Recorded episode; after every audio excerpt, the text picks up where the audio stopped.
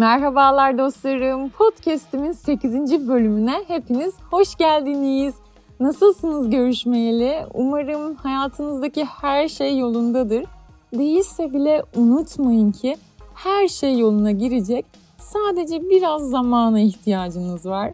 Hayatımızda her şey yolunda giderken hayattan zevk almak nispeten daha kolay. İnsanın işi gücü yerindeyken, sağlıklıyken, mutlu bir ilişkiye sahipken veya etrafında onu her zaman destekleyen bir ailesi veya arkadaşları varken hayatımı daha keyifli hale nasıl getirebilirim diye çok da düşünmez insan.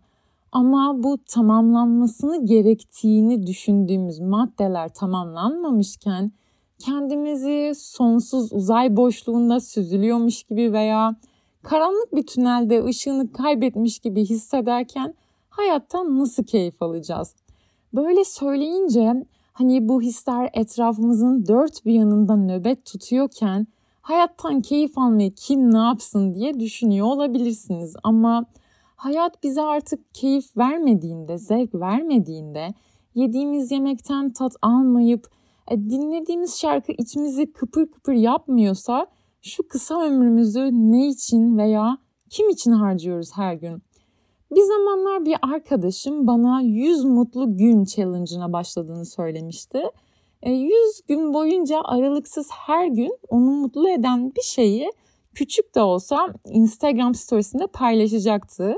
Fikri duyunca çok hoşuma gitmişti. Ben de başlayayım demiştim ama ben o zamanlar Instagram'ı aktif kullanmıyordum ve beni mutlu eden şeyleri yalnızca ben bilsem yeter diye düşünerek story'de paylaşmak yerine her gün defterime not almaya başlamıştım. Buna başlamak bana ciddi anlamda ilham vermişti. Çünkü bence kendimi tanıma yolculuğumdaki ilk adımlarımdı bunlar benim. O 100 gün boyunca gün içinde başıma gelen güzel şeyleri yazmaya başlamıştım. Ama ilk başlarda biraz zor gelmişti bu bana. Çünkü böyle çok anlamlı şeyler yazmaya, aramaya çalışıyordum.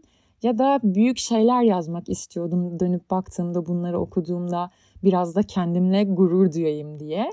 Ee, sanki sadece insanı pahalı, büyük veya herkes tarafından duyulmaya değer şeyler mutlu edermiş gibi ama sonrasında beni mutlu eden, bana keyif veren şey neden hep büyük olaylar olmalı diye düşünüp bunun farkına varıp yediğim çikolatayı, dinlediğim şarkıyı, içtiğim çayı, kahveyi, yaktığım mumu bile yazmaya başlamıştım. Çünkü bu ufak detaylarda aslında hayatımı daha keyifli hale getiren. Çoğu zaman bu küçük anların farkına bile varmadan elimizden kayıp gidiyor onlar. Siz de buna başlamak isterseniz eğer her gün benzer ya da aynı şeyleri yazmaktan da çekinmeyin. Her gün sizi mutlu eden şey neden aynı olmasın ki? 100 gün sonunda en çok ne yazmışsınız? Ona bakarsınız mesela. Bu da belki normalde fark etmeniz aslında bu kadar kolay değilken sizin kendinizi daha iyi tanımanız için bir ayna olur. Daha iyi görürsünüz kendinizi, daha iyi tanırsınız ruhunuza iyi gelenleri. Çünkü her geçen gün yılların, ayların, günlerin, kısacası zamanın çok daha hızlı geçtiği bir ömrümüz var. Şu an 2022'nin yarısından fazlasını bitirdik ama kime sorsam 2020 daha dün gibi geliyor diyor. 2021 yokmuş gibi hatta. Ee, nasıl oluyor vakit bir türlü geçmezken yıllar hayatlar geçiyor diyor mesela. E, muhtemelen benim jenerasyonumun Teoman'dan dinlemeye alışık olduğu paramparça şarkısında. E, çok da güzel diyor. Hele ki e, böyle sıkı çalışma temposuna sahipsek, bilgisayarımızın tarayıcısında açık kalan onlarca sekmeyi kapatmaya çalışırken ilk açtığımız sekmeyle karşılaştığımızda veya kendimiz için bir kahve demledikten sonra kahveyi içmeyi unutup onun buz gibi olduğunu görünce hatırlıyoruz belki de yaşadığımız günün ne kadar hızlı geçtiğini. Ben bu 100 güne ilk başladığımda her gün mutlu olacak bir şeyleri nereden bulacağım diyordum başlangıçta. Ve o 100 gün bitmez gibi çok uzun gibi geliyordu bana. Biraz yük gibi de gelmişti bu ama e, sonradan gün içinde veya gün sonunda illa bir şey yazmak zorunda hissettiğim için daha farklı yaklaşmaya başlamıştım çoğu şeye. Yani olaylara nötr yaklaşmak yerine bir şey yaptıktan sonra ya da başıma bir şey geldikten sonra bunu sevdim ya da sevmedim diye ayırıyordum. Bunu siz de deneyebilirsiniz bence. İlla böyle yazmanıza gerek yok. Yeni bir yemek denedikten sonra, birileriyle buluştuktan, tanıştıktan sonra, ne bileyim bir dizi veya film izledikten, yeni bir şarkı keşfettikten sonra birkaç saniye düşünün üzerinde. Ne var yani? Ben bunu sevdim mi diye kendinize sorun. Bu soruya fark etmez demeyin ya da ortalama bir cevap vermeyin ki sizi mutlu ya da mutsuz eden şeyler nelerse onları her gün biraz daha yakından tanıyın. Bu 100 günlük challenge'ın üstünden biraz zaman geçtikten sonra tekrar bu alışkanlığıma geri döndüm ama biraz daha zayıf haliyle. Geçtiğimiz ay boyunca beni gerçekten mutlu eden 15-20 şeyi yazmaya başladım artık. Mesela geçtiğimiz Ocak ayında yazdıklarıma baktım. İlk defa evde Brüksel lahanası pişirmişim ve yemişiz ve e, bu beni inanılmaz mutlu etmiş. İyi ki yazmışım bunu diyorum şimdi. Çünkü böyle şeyleri unutuyoruz. Tabii e, o Brüksel lahanasını yediğimi unutmayacaktım belki ama o gün bana verdiği o mutluluğu hatırlayabilmem şu an için çok zor. Bize verilen en büyük nimetlerden biri aslında unutmak tabii ki. Unutma yeteneğimiz olmasa e, böyle en büyük kayıplarımızı, acılarımızı unutamadan yolumuza devam etmemiz yeni bir güne uyanmak istemeyecek kadar zorlayıcı olurdu. Bize acı veren deneyimlerimizi unutmak bizim faydamıza ama bu küçük anları nasıl daha kalıcı ve hatırlanabilir hale getirmeliyiz diye düşününce bunları kayıt altına almak bence en mantıklısı. Eğer o anları yazmaya üşeniyorsanız fotoğrafını veya kısa videolarını çekin derim.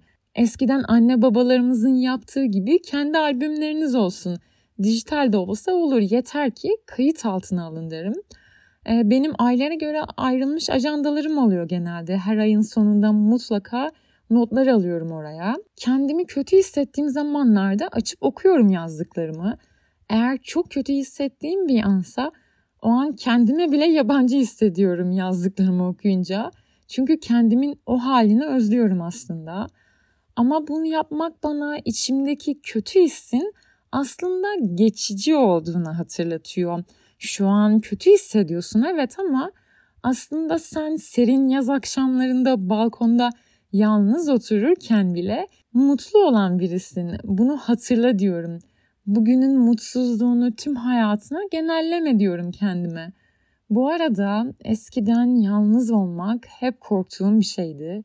Yalnız hissetmemek için aslında çok da içime sinmeyen arkadaşlıklar ve ilişkiler içinde buluyordum sürekli kendimi. Özellikle 2019 sonbaharından önce yalnız kalmanın iyileştirici ve keyif veren tarafı hayatımda yok gibiydi. Yalnızlıktan keyif almayı bilerek doğanlardan değilim maalesef ben. Sonradan öğrendim bunu. Ama sanki etrafımdaki çoğu insan yeni yolları yalnız yürümekten korkmayan, hatta buna dünden razı olan insanlardı. Ama bu beni hep korkutuyordu ve bu insanların bu isteği beni çok şaşırtıyordu. Hep bildiğim fakat farkında olmadığım şeyleri keşfederek başladı benim de bu yalnız kaldığım anlardan keyif alma alışkanlığım. 2019 sonbaharında başladı diyebilirim bu yolculuk. O zaman kendi elimden tutup kendimi yola çıkarmıştım. Kimse olmasa da ben senin yanındayım demiştim kendime. O dönemde Spotify'ımda Eylül isimli bir listem vardı. Tüm ay boyunca aynı listeyi dinliyordum. Hala açıp dinlerim oradaki müzikleri. Hayatımın o sonbaharı, yaprakların en kuru, en canlı renklerin bile soluk geldiği, e, kampüse gidip kantin bahçesindeki banklardan birine oturduğumda benim amacım ne bu hayatta, nasıl mutlu olacağım, yaşadıklarımdan nasıl keyif alacağım diye çok fazla üzerine düşündüğüm ve sorguladığım zamanlardı.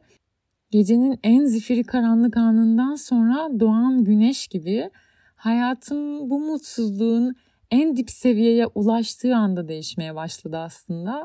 O dönem benim için bir başlangıçtı. O süreç hala devam ediyor diyebilirim aslında. Ama sanırım o günlerdeki mutsuzluğumun sisli ve ağır perdesini hayatımdan kaldıran şeylerden biri bir kitap olmuştu. Şimdi böyle anlatınca çok mucizevi geliyor olabilir kulağa o kitap ama o günlerde okuduğum incecik bir kitap bana aslında içten içe bildiğim şeyleri öyle güzel fark ettirmişti ki. E, kitap Seneca'nın Mutlu Yaşam üzerine, yaşamın kısalığı üzerine isimli iki deneme yazısının birleştiği bir kitap. E, ismi de aynı bu şekilde zaten. Bende İş Bankası Kültür Yayınlarından çıkmış baskısı var ve o kitabın 48. sayfasını ne zaman okusam evet diyorum budur. Ee, bilmediğimiz hiçbir şey söylemiyor bu arada aslında Seneca orada. Hatta gayet iyi bildiğimiz, belki üzerine sürekli konuştuğumuz şeylerden bahsediyor. Ama bazı kitapları öyle bir dönemde okuruz ki o bizim ilacımız olur. Siz de eğer öyle bir dönemden geçiyorsanız bu kitabı okumanızı kesinlikle tavsiye ederim. Kitabın o sayfasından bir alıntı yapacağım şimdi. İnsan mal varlığını koruma konusunda oldukça hesaplı davranır. Ancak açgözlü olmanın onur vesilesi sayılacağı tek konu olan zamanın harcamasına gelince oldukça bonkör davranırlar. Düşünsene tefeci, metres, patron, müşteriler ne çok zamanını aldı. Karınla yaptığın kavgalarla, kölelerine verdiğin cezalarla ve kente görevin için koştururken ne çok zaman kaybettin. Bunlara bizzat sebep olduğun hastalıkları ekle, yine boşa geçen değerlendiremediğimiz zamanı ekle, sana ait yılların sandığından daha az olduğunu göreceksin. Geçmişini, ne zaman kesin bir plan yaptığını, ne kadar az günün tasarladığın gibi geçtiğini, ne zaman yüzünün doğal haline büründüğünü, ne zaman zihninin huzursuz olmadığını, böylesine uzun bir ömürde ne başardığını, sen kendin kaybettiğini anlamazken birçoklarının senin yaşamından ne çok çaldığını, yersiz kederin, aptalca mutluluğun, açgözlü şehvetin, dal kavukça ilişkinin yaşamından ne çok çaldığını, sende sana ait ne kadar az şey kaldığını yeniden düşün. Göreceksin ki vaktinden önce ölüyorsun. Seneca bunları yüzyıllar öncesinde söylemiş ama gelin görün ki insanlık olarak 2022 yılında hala aynı dertlere sahibiz içtiğimiz su, aldığımız hava, sahip olduğumuz insanlar için şükretmeyi, kendimize yeterince önem vermeyi, zaman ayırmayı çok iyi bilmiyoruz. Nasıl mutlu oluruz diye sorulduğunda herkesin aklına ilk gelen cevaplardan biri anı yaşa anda kal oluyor. E, benim bu cümle kalıplarını içselleştirmem ve hayatıma adapte etmem anlattığım gibi gerçekten uzun zamanımı aldı e, anı yaşamayı bilen insanlar sanki bana sadece yoga yapıp yeşil detoks sularını içen insanlarmış gibi geliyordu. Çünkü bilmiyordum pek anda kalmanın ne demek olduğunu, nasıl anda kalabileceğimi. Yavaş yavaş öğrendim bunu. Tabii şu an bizi her gün içine biraz daha fazla çeken dijital dünyamız, ellerimizdeki telefonlarımız bu durumda işimizi epeyce zorlaştırıyor ama bana göre anda kalabilmek, bulunduğumuz anı hissedebilmek. Vücudumuz oradayken ruhumuzun da orada olması demek. Bir hafta önce dolunay vardı gökyüzünde ee, ve gece saat 11 gibi en yakın arkadaşlarımdan biriyle sokakta evin önündeydik. Ay o kadar parlak ve büyüktü ki onun o güzelliğine bakıp üzerine böyle 3-4 dakika boyunca konuştuk. Sonra arkadaşım seninle ayın güzelliğine bakıp üzerine de çok mantıklı olmayacak şekilde konuşuyor olabilmek bile çok güzel dedi. O an mesela o anı yaşıyordum ben. Çünkü düşündüğüm şey ayın parlaklığı ve güzelliği. Konuştuğum şey yine aynıydı. Bu ay sonunda defterime yazılacak anlardan biri o. Hatta hiç unutmadan bugün gidip yazsam iyi olur. Kulağa çok büyük gelmiyor olabilir ama hayatı keyifli hale getiren şeyler bunlar işte. Sonrasında öğrendiğim diğer şey ise kendimi insanlara sevdirmek zorunda olmayışım. Ee, sen melek olsan kanat sesinden rahatsız olacak insanlar olacaktır diye bir sözü var Beyhan Budak'ın mesela. Siz ne kadar iyi olursanız olun sizi sevmeyen, beğenmeyen insanlar olacak. Çünkü bazı insanlar sadece size değil herkese karşı öyle davranıyorlar. Sorunu sizle değil o insanların aslında kendisiyle. Eğer hayatınızda öyle insanlar varsa sizi sevmiyorlar diye üzülmek yerine hayatınızdaki konumunu minimuma indirin o insanların. Bu arada ben Ankara'da yaşıyorum. Herkes Ankara için sıkıcı ve gri şehir der ama benim en güzel anılarım bu şehirde. Kurduğum dostluklar, yaşadığım aşk, okulum ve işim sayesinde şehrin griliği benim için gökkuşağının renkleri kadar parlak. Yani eğer yeterince renkli bir yerde yaşamıyorsanız bile tuval sizin, onu renklendirmek sizin elinizde. Son olarak da bence her neyi çok seviyorsak ona bağımlı olmamamız gerekiyor. Bu hayattan gerçekten keyif alabilmek için. En büyük aşklar biter, çocuklarımız büyür ve evden gider. Anne babamızı kaybedebiliriz. En sıkı dostluklar bir gün sonlanabilir. Hiçbir şeyin garantisinin olmadığı bu dünyada geriye kalacak olan tek şey sizsiniz. E, hafif bir müzik, kuş cıvıltıları ve sahip olduklarınız için sevinin. Kendinize sabah uyandığınızda 15 dakikayı çok görmeyin. Hala bir şeyler hissedebilen bir kalbiniz varken onun çarpmasına izin verin. En büyük yaşam engeli yarına dayanıp bugünü tüketen beklentidir diyor Seneca. Yarınlarınızın beklentisi bugünlerinizi gölgelemesin. Beni dinlediğiniz için çok teşekkür ederim. Instagram'da beni podcastlendiğiniz adıyla bulabilirsiniz. Açıklama kısmına bahsettiğim kitapları ve ajandaları bırakmış olacağım. İncelemek isterseniz bakabilirsiniz. Önümüzdeki bölümlerde görüşmek üzere. Kendinize çok iyi bakın.